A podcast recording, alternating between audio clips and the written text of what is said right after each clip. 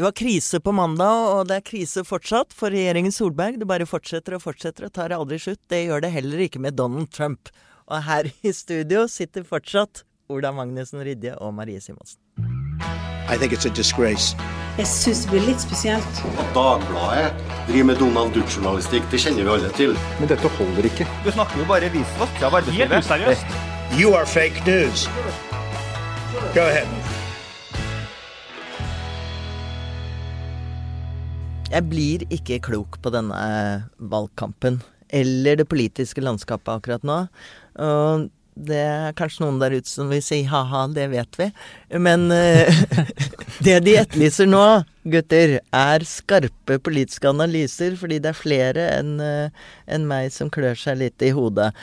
Vi har fått inn en rykende fersk meningsmåling, Ipsos for Dagbladet. Og her har vi da hatt regjeringskrise i flere dager, for ikke å snakke om siden i vår. Og hvem er det som får mest kjeft fra velgerne? Jo, det er Jonas Gahr Støre og Ap. Eh, de eh, gjør det veldig dårlig i denne målingen. De får en oppslutning på 21,5. Og det vil si at det er en nedgang på 11,5% siden forrige kommunevalg. Da begynner det å bli ganske krise, Ola Geir. Mm. Og for å illustrere litt hva som har skjedd, så var altså eh, Arbeiderpartiet ved forrige stort, eh, nei, kommunevalg så var de tre ganger så store som eh, Senterpartiet omtrent. Nå er de omtrent jevnstore. Eh, og Klassekampen hadde forleden et oppslag som eh, viste at Arbeiderpartiet kunne tape, halvere antall ordførere fra 200 til 100. Det er greit at Forrige storting, nei, kommunevalg fra Arbeiderpartiet var jo historisk bra, men Det er det er jo helt utrolig Det er hvor dramatisk. rett-vest dette går. Men for å si, for å illustrere ytterligere hvor, hvor eh, uklart dette bildet er, så er det jo ikke akkurat sånn at det at Arbeiderpartiet gjør det dårlig, betyr at uh, høyresiden og regjeringspartiene gjør det bra. For de gjør det slett ikke bra. Eh, de har nå til sammen en oppslutning på 36,4% Kanskje de skal sette seg som mål 36,9? ja. Men eh, ja, nei, det Hva tror du, Geir Ravnefjell, politisk redaktør? Nei, dette er jo veldig, eh, er jo veldig interessante tall. Det er jo det at, eh, at regjeringspartiene ligger på det nivået, det er, det er jo der de har ligget ganske, ganske lenge nå.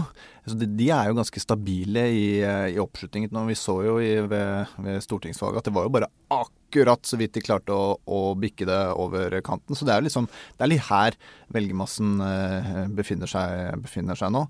Men jeg må jo si det at det tallet med, med, med Senterpartiet, den, den veksten som de har i den målingen her, hvor forrige gang vi målte dem, så var de på 13, og nå er de på 18,1% Altså den, Det viser jo det at liksom det foregår to ting, to ting i denne, i denne valgkampen særlig. Og det er bompenge, bompengestriden, som alle eh, er veldig opptatt av i, på grunn av at regjeringen ikke klarer å finne ut av hvordan dette skal gå. Og så er det da Eh, og så er det sentralisering, siden dette her handler tross alt om kommunevalg.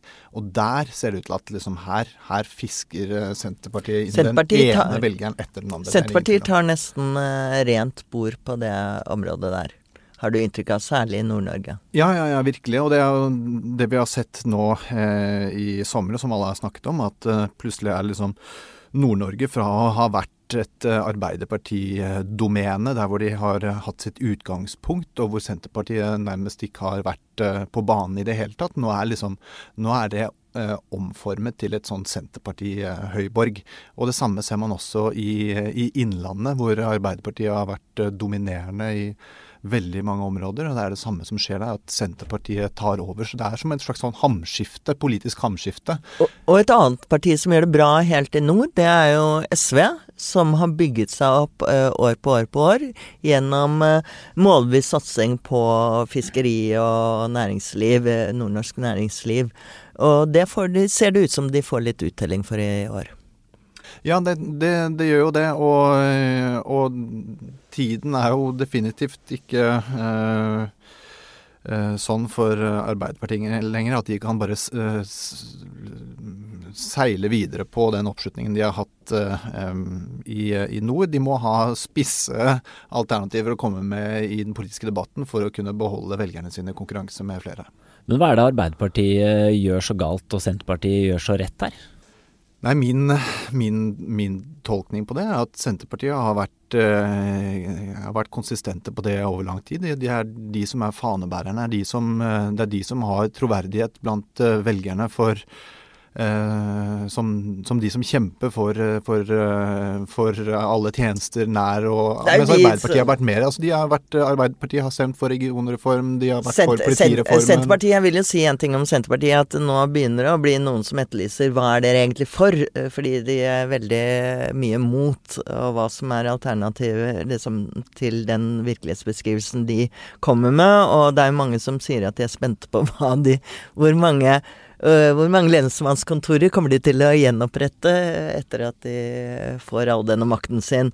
Mens Arbeiderpartiet har jo gjort et par ting over tid. Vi husker jo alle denne uh, Eh, hvor de først var for nedlegging av Andøya, så var de eh, mm. Så var de mot. Prøvde å snu i siste øyeblikk. Det gikk jo dårlig.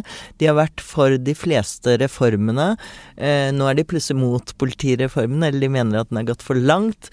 Eh, så jeg tror Arbeiderpartiet, en riktig analyse, eller en, i hvert fall en overskriftsanalyse, er at de har vært for tett opp til den politikken som regjeringen har ført når det gjelder sentralisering. Jeg har et inntrykk av at de ble litt fanga av hele sånn ansvarlighetsretorikken uh, som regjeringen kom med. At vi må, vi må, ha, bred støtte om de store reformene. Uh, vi må ikke være et, uh, sånn, et reverseringsparti som Senterpartiet selvfølgelig har seilt opp på.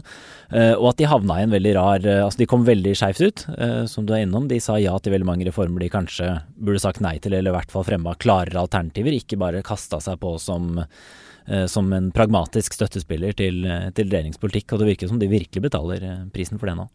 Ja, og så, så, ser man jo også det at i denne valgkampen så er jo noe av det, eh, noe av det som Høyre er ivrigst på å angripe Arbeiderpartiet for, er jo at de sier at før var Arbeiderpartiet sånn, og nå er de sånn. Og så peker de hele tiden tilbake til Stoltenberg-tiden med både med pengebruk og på at de går vekk fra reformer og sånne ting. Så de, de straffes liksom i begge ender, både på at de, da eh, har ikke eh, vært like tydelige som Senterpartiet som et opposisjonsparti, og blir straffa fra, fra Høyre som er veldig ivrige etter å, og effektive, vil jeg også si, å påpeke eh, kuvendingen eller, eller, endringen i politikken deres da, eh, i, i, veldig mange debatter.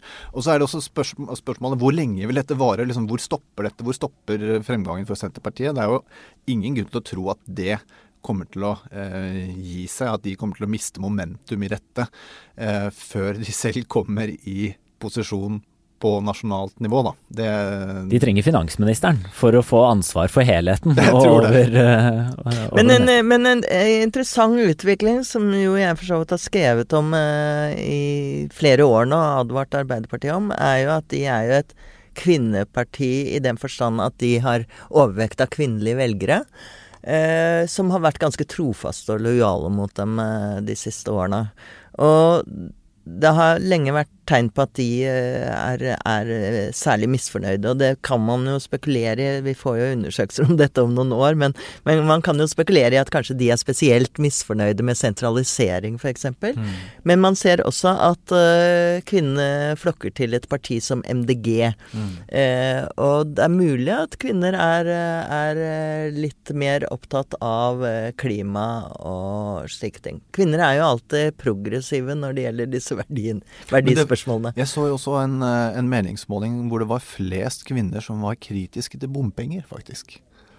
Ja, de skal jo, de skal jo kjøre rundt med ja, ja, ja, unga, unga, sine hele tiden. Unga sine, ja. unga sine. Eh, ja, bompartiene Det er faktisk Jeg så nå at det var omtrent sånn eh, ganske jevn kjønnsfordeling. Mm.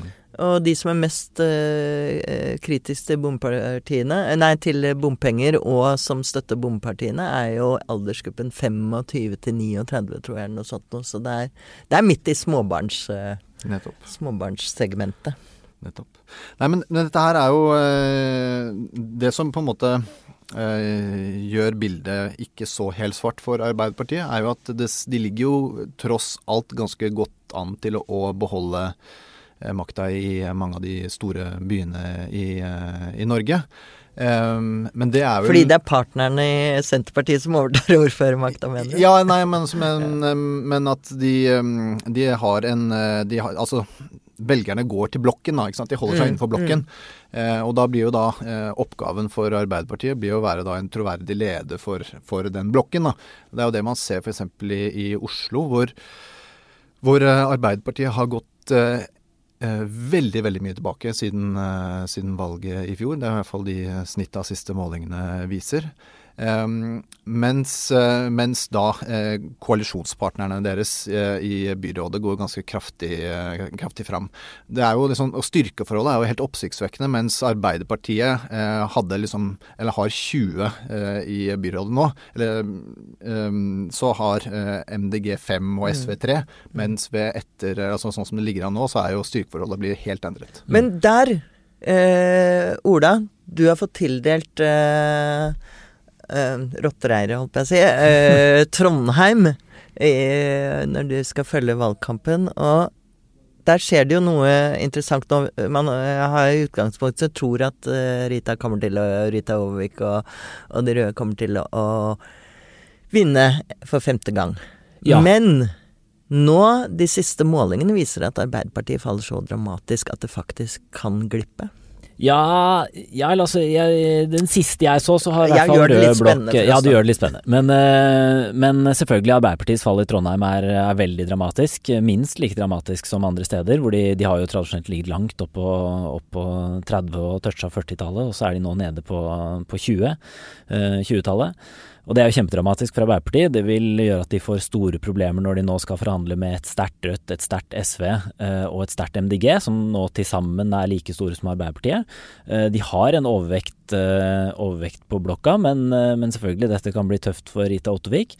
Og du var jo inne på, Geir, at liksom de beholder lederskapet, men på fylkesnivå i Trondheim så risikerer Arbeiderpartiet, nei, i Trøndelag altså, risikerer Arbeiderpartiet å miste fylkesordføreren til nettopp Senterpartiet. Som òg da har vært litt flørtende med høyresida. Så dette kan være som Her må man følge nøye med på For, for der var jo Jonas Gahr Støre var ute her forleden med den klassiske øvelsen eh, Dere vet ikke hva dere får om dere stemmer på Senterpartiet, om dere får eh, rød-grønn politikk, eller om de går over til borgerlig side, som de kan gjøre på, på lokalt plan. Eh, og da får dere mer Fremskrittspartipolitikk, som, eh, som Jonas sa. Det var vel ikke Marit Arnstad helt enig i? Nei, altså der har jo eh, Arbeiderpartiet også en track record. De kan jo også finne på å flippe over og ta, eh, hente støtte fra borgerlig side for å få ordførermakta i, i, mange kommuner. Så der er det vel omtrent eh, like gode. Men det er jo også sånn Lokalpolitikken er annerledes. Det er jo, eh, Vi eh, la merke til et sitat i Trønderavisa i går som var veldig morsomt. Det var Ivar Vigdenes, som er ordfører i, i Stjørdal. Eh, tidligere nærmeste rådgiver til eh, Ola Borten Moe i Senterpartiet, som sa det at det hadde vært en åpenbaring å samarbeide med MDG, og at eh, de hadde forbedret deres klima- og, og miljøpolitikk radikalt og i det hele tatt. Så det er ikke orden på noen ting i lokalpolitikken. Det er jo interessant å se hvem er det som blir de nye utstillingsvinduene nå for et eventuelt nasjonalt samarbeid om to år. Eh, Trondheim har jo en salig blanding av alle omtrent, bortsett fra Frp og Høyre, som sitter og samarbeider. Eh, men det var jo en gang det rød-grønne utstillingsvinduet. Bergen så har jo Arbeiderpartiet sittet sammen med, med, Venstre og KrF, men den modellen virker jo helt død for et eh, potensielt regjeringssamarbeid. Så er det Oslo vi må se til, da, Geir. Ja, det er jo det. Og der er, der er det jo eh, også spenning knytta til om eh, Senterpartiet, da, som nå har gjort, begynt å gjøre seg gjeldende på målingene i Oslo, om de kan havne på vippen i Oslo istedenfor eh, Rødt. Ja, det ville vært noe. Eh, men Jonas Gahr Støre har, eh, har, jo grunn til å frykte hvor eh, Senterpartiet vil gå. Det er jo alltid De har jo vært på den andre siden. Eh, og de har dessuten, når man ser på den voldsomme veksten de har hatt i eh, velgere, så har de jo hentet veldig mange av de fra høyresiden. Eh, med andre ord, de har fått velgere som er mer høyreorienterte enn de de hadde. Så det kan jo også påvirke selvfølgelig den politiske kursen, kanskje litt. Men en annen ting som jeg er litt opptatt av, på vegne av at dette er et lokalvalg Vi sitter jo fremdeles i snakkende stund med denne regjeringskrisen hengende over oss, og det virker som alt handler om denne bompengekrisen. Jeg syns det er litt eh, dårlig gjort, det. Altså, for å bruke et uh, folkelig uttrykk. Mot her har folk uh, liksom mobilisert og eh, pynta seg til valgkamp rundt omkring i det hele land, og så sitter disse regjeringspartnerne og krangler nede i Oslo. Ja, Nå er det to og en halv uke til valget, og det skal bli en voldsom sprint for å klare å prege valgkampen med noe annet enn bompenger. Eh, så det er klart, dette her er jo Dette setter jo eh, valgkampopplegget på vent for omtrent alle partier. Eh, regjeringspartiene selvfølgelig, men også opposisjonen, som heller ikke når gjennom i lydmuren med med de andre tingene. Men kanskje man, når alle går til Senterpartiet likevel, så er vel kanskje det foregår vel en politisk debatt også rundt omkring, uavhengig av det som snakkes om bompenger. Ja, og så er jo omsorgen deres nå for distriktene svært rørende, selvfølgelig, fra en som kommer fra distriktet. Men er jo, bompenger er jo en stor lokalsak, da, uh, overalt. Så du kan jo si at uh, jo selvfølgelig, her er det jo regjeringspartiene som tar oppmerksomheten, men, uh, men det smitter jo nedover og rører jo absolutt nesten alle folk i de store byene og småbyene. Og så kan man jo også liksom Ja, det er en vanskelig sak å lande for regjeringen, men det skulle jo vært mulig å lande denne eh, før sommeren. Altså, det, noe, det, har ikke skjedd noe materielt sett annerledes i løpet av den tida. Um, og nå er, det jo sånn, nå er det jo så tett opp mot valget at nå kan man jo spekulere om har egentlig Venstre og Frp, som er motpolene i denne saken, har de egentlig noe å vinne på å komme fram til et kompromiss nå? Altså, De må jo gjøre det, selvfølgelig, men de veit jo at det de lander på, det vil være et svakere det vil være et svakere resultat eller et svakere sluttpunkt enn det deres politiske konkurrenter, enten det er eh, Folkeaksjonen Nei til bompenger for Frp sin del, eller MDG for Venstre sin del, som vil kunne si nei, dette er forferdelig, og her har Venstre solgt seg til osv. Eller så kan de, Men lokalpolitikerne deres vil jo at de skal lande dette her, fordi at de står jo nå på standene rundt omkring og sier hva mener dere egentlig? ja. Så det er jo litt, eh, litt eh, fortvilet for, eh, for eh, de, sånn sett. Mm.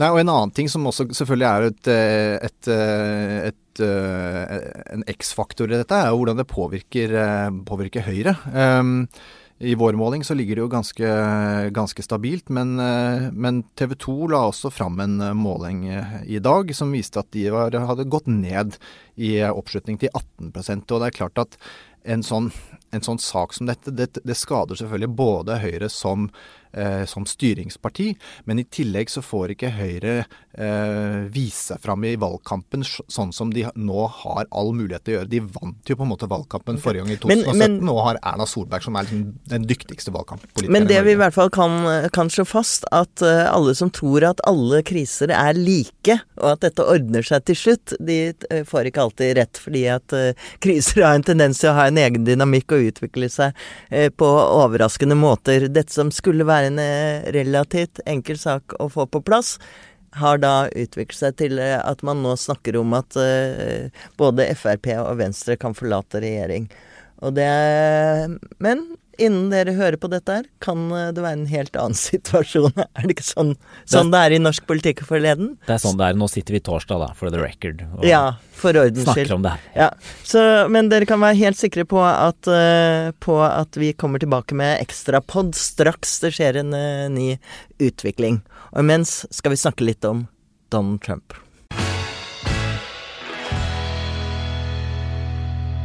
I thought that the Prime Minister's statement that it was absurd, that was a, it was an absurd idea, was nasty. I thought it was an inappropriate statement. All she had to do is say, no, we wouldn't be interested, but we can't treat the United States of America the way they treated us under President Obama. Der var vår venn Donald i Kjent gammel stil. Han liker jo å kalle kvinner for nasty. Og i solidaritet med Mette Fredriksen og andre kvinner som han har skjelt ut på det groveste, så har jeg tatt frem fra skapet min eh, gode gamle Nasty Woman-T-skjorte. Den kan dere se avbildet på siste på Facebook-siden vår, hvis dere har lyst til å se dette vakre syn av en Nasty Woman. Men Trumps eh, forsøk på å kjøpe Grønland, det er jo lett å le av, som vi ofte ler av andre rare ting han gjør, men Jon Olav Egeland, det ligger et uh, ganske dypt alvor bak denne henvendelsen. Ja, skreller vi av, liksom det som ligner på gammel kolonialisme, og ser på hva realiteten er, så handler det om en betydelig økt spenning i hele området i Arktis. Uh, og da er Grønland en uh, viktig, uh, bokstavelig talt lyttepost og varslingssentral i forhold til eventuelle atomangrep mot USA fra, fra, Russland, en rolle som for øvrig også Norge har. For USA er selvfølgelig tungt representert på Grønland allerede? Det er det. De har en stor eh, base i, eh, helt nordvest i Grønland, på Thule, med en av verdens største radarer. Og det er den eneste basen de har nord for, eh, nord for Polarsirkelen. Så den spiller en svært viktig rolle for, for amerikanerne, slik at selve uh, utgangspunktet her. altså De trenger jo ikke hele Grønland for å gjøre dette. Uh, men at Grønland spiller en viktig rolle, det er helt klart. Vi ser samtidig at amerikanerne nå også ruster opp den gamle basen på Keflavik, som de forlot for noen år tilbake. Nå er de på vei tilbake, og vi bruker mye penger på, på, også på Island.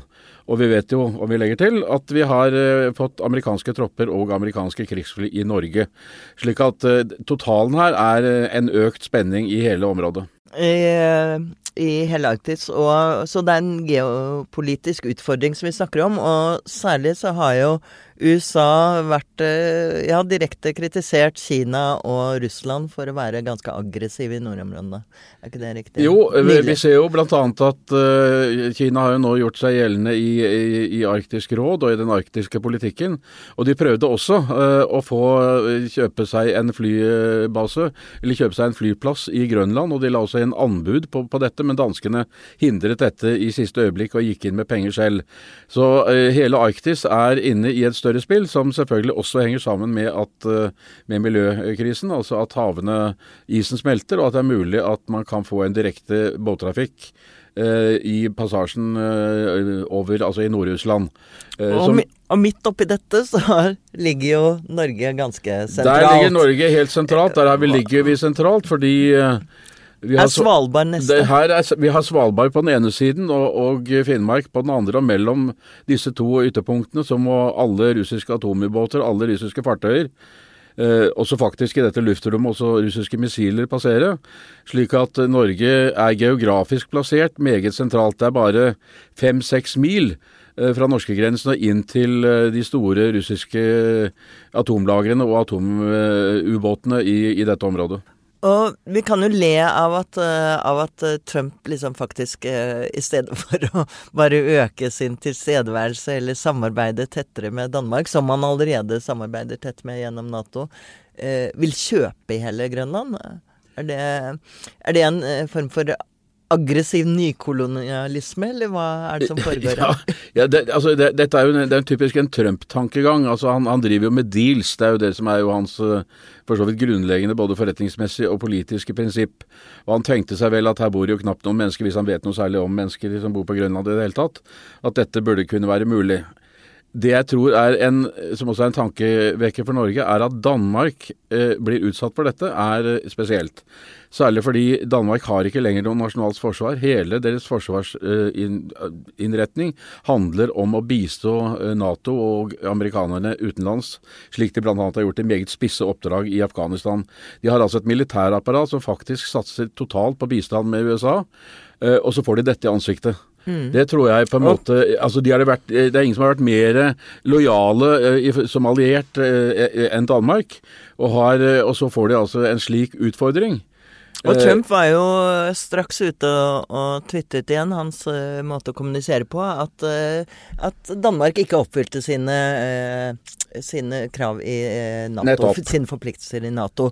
Og han begynte å snakke stygt om Danmark, som, ja, som dette, er veldig avhengig av Nato og USA. Og dette er helt korrekt, og dette er en stor utfordring for Norge. For Norge har jo også lagt om det meste av sitt forsvar, slik at uh, det vesentlige av kapasiteten faktisk kan brukes mest i utenlandsoperasjoner.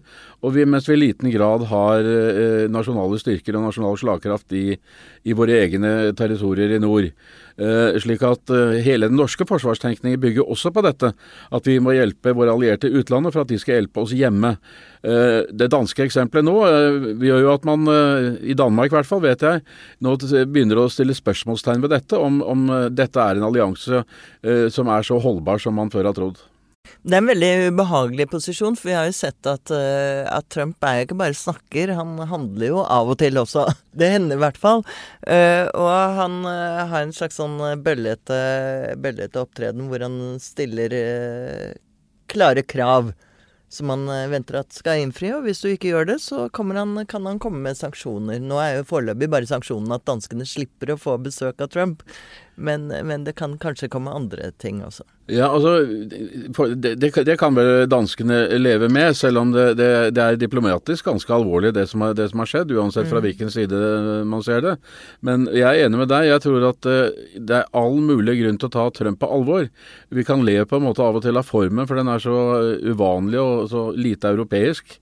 Eh, og så lite på en måte i overensstemmelse med de historiske eh, rutiner og kutymer som finnes i den internasjonale verden. Men eh, USAs vilje er faktisk for øyeblikket Trumps ambisjoner. Og da det, kan det hende at latteren setter seg fast i halsen hvis vi ikke på en måte ser det underliggende og substansielle i den politikken han bedriver. Kanskje vi kan selge han Bouvetøya? Tror du han er interessert? Nei, det tror jeg ikke, for den, den ligger så langt nede i Antarktis, hvor det foreløpig er relativt fredelig. Ja, men nå er jo ikke Trump geografi hans sterkeste side.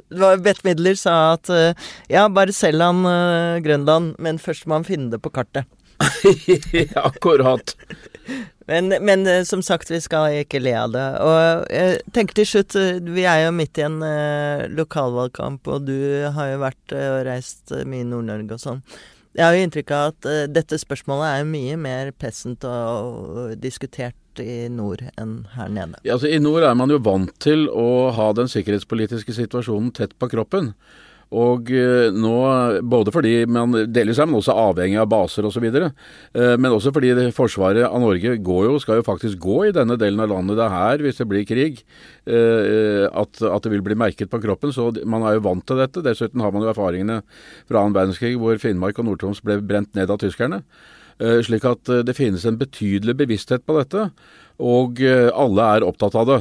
Uh, og uh, Derfor er det litt rart at disse spørsmålene ikke kommer høyere på dagsordenen også uh, lenger sør og i hele landet. Det, jeg tror det er bare et spørsmål før vi er nødt til å gjøre det. fordi uansett hva man måtte mene om Forsvaret og Nato og det ene med det annet, så er Norge, står nå Norge overfor noen dilemmaer som er av stor, stor betydning. Ok, så nok en gang har vi en situasjon hvor Trump har sagt noe rart, men utløser en dypt alvorlig diskusjon. Og det er vel kanskje bra på et vis. Eller hva, Jon Nordahl? Jo, nei, det, jeg, jeg syns det er viktig å lytte, jeg. Til, til, altså, også til underteksten av hva, hva, hva, Trump eh, står for. Ikke bare på en måte se det som uh, Twitter-meldinger og se det som, som, underholdning. Det her er det realpolitikk også. Selv om uh, den virker ute av kurs og, og vingler frem og tilbake på mange måter, så må man ikke glemme at dette er verdens mektigste mann. Det er helt sikkert. Han er jo til og med fått den ærefulle posisjonen i jinglen vår, så det betyr jo at han er usedvanlig mektig. Takk for at du orienterte oss om den geopolitiske virkeligheten, Jon Olav Egeland. Og takk for at dere hørte på denne dramatiske episoden av Siste. Eh, vi møtes neste gang til en eh, forhåpentligvis både alvorlig og litt lystigere tone på Ole Bull scene i Bergen. Hvis dere er i den eneste byen i Norge, som Bergen jo som kjent er, så må dere komme på Ole Bull, og hvis ikke så kommer det en livepod de nærmeste dagene etterpå. God helg.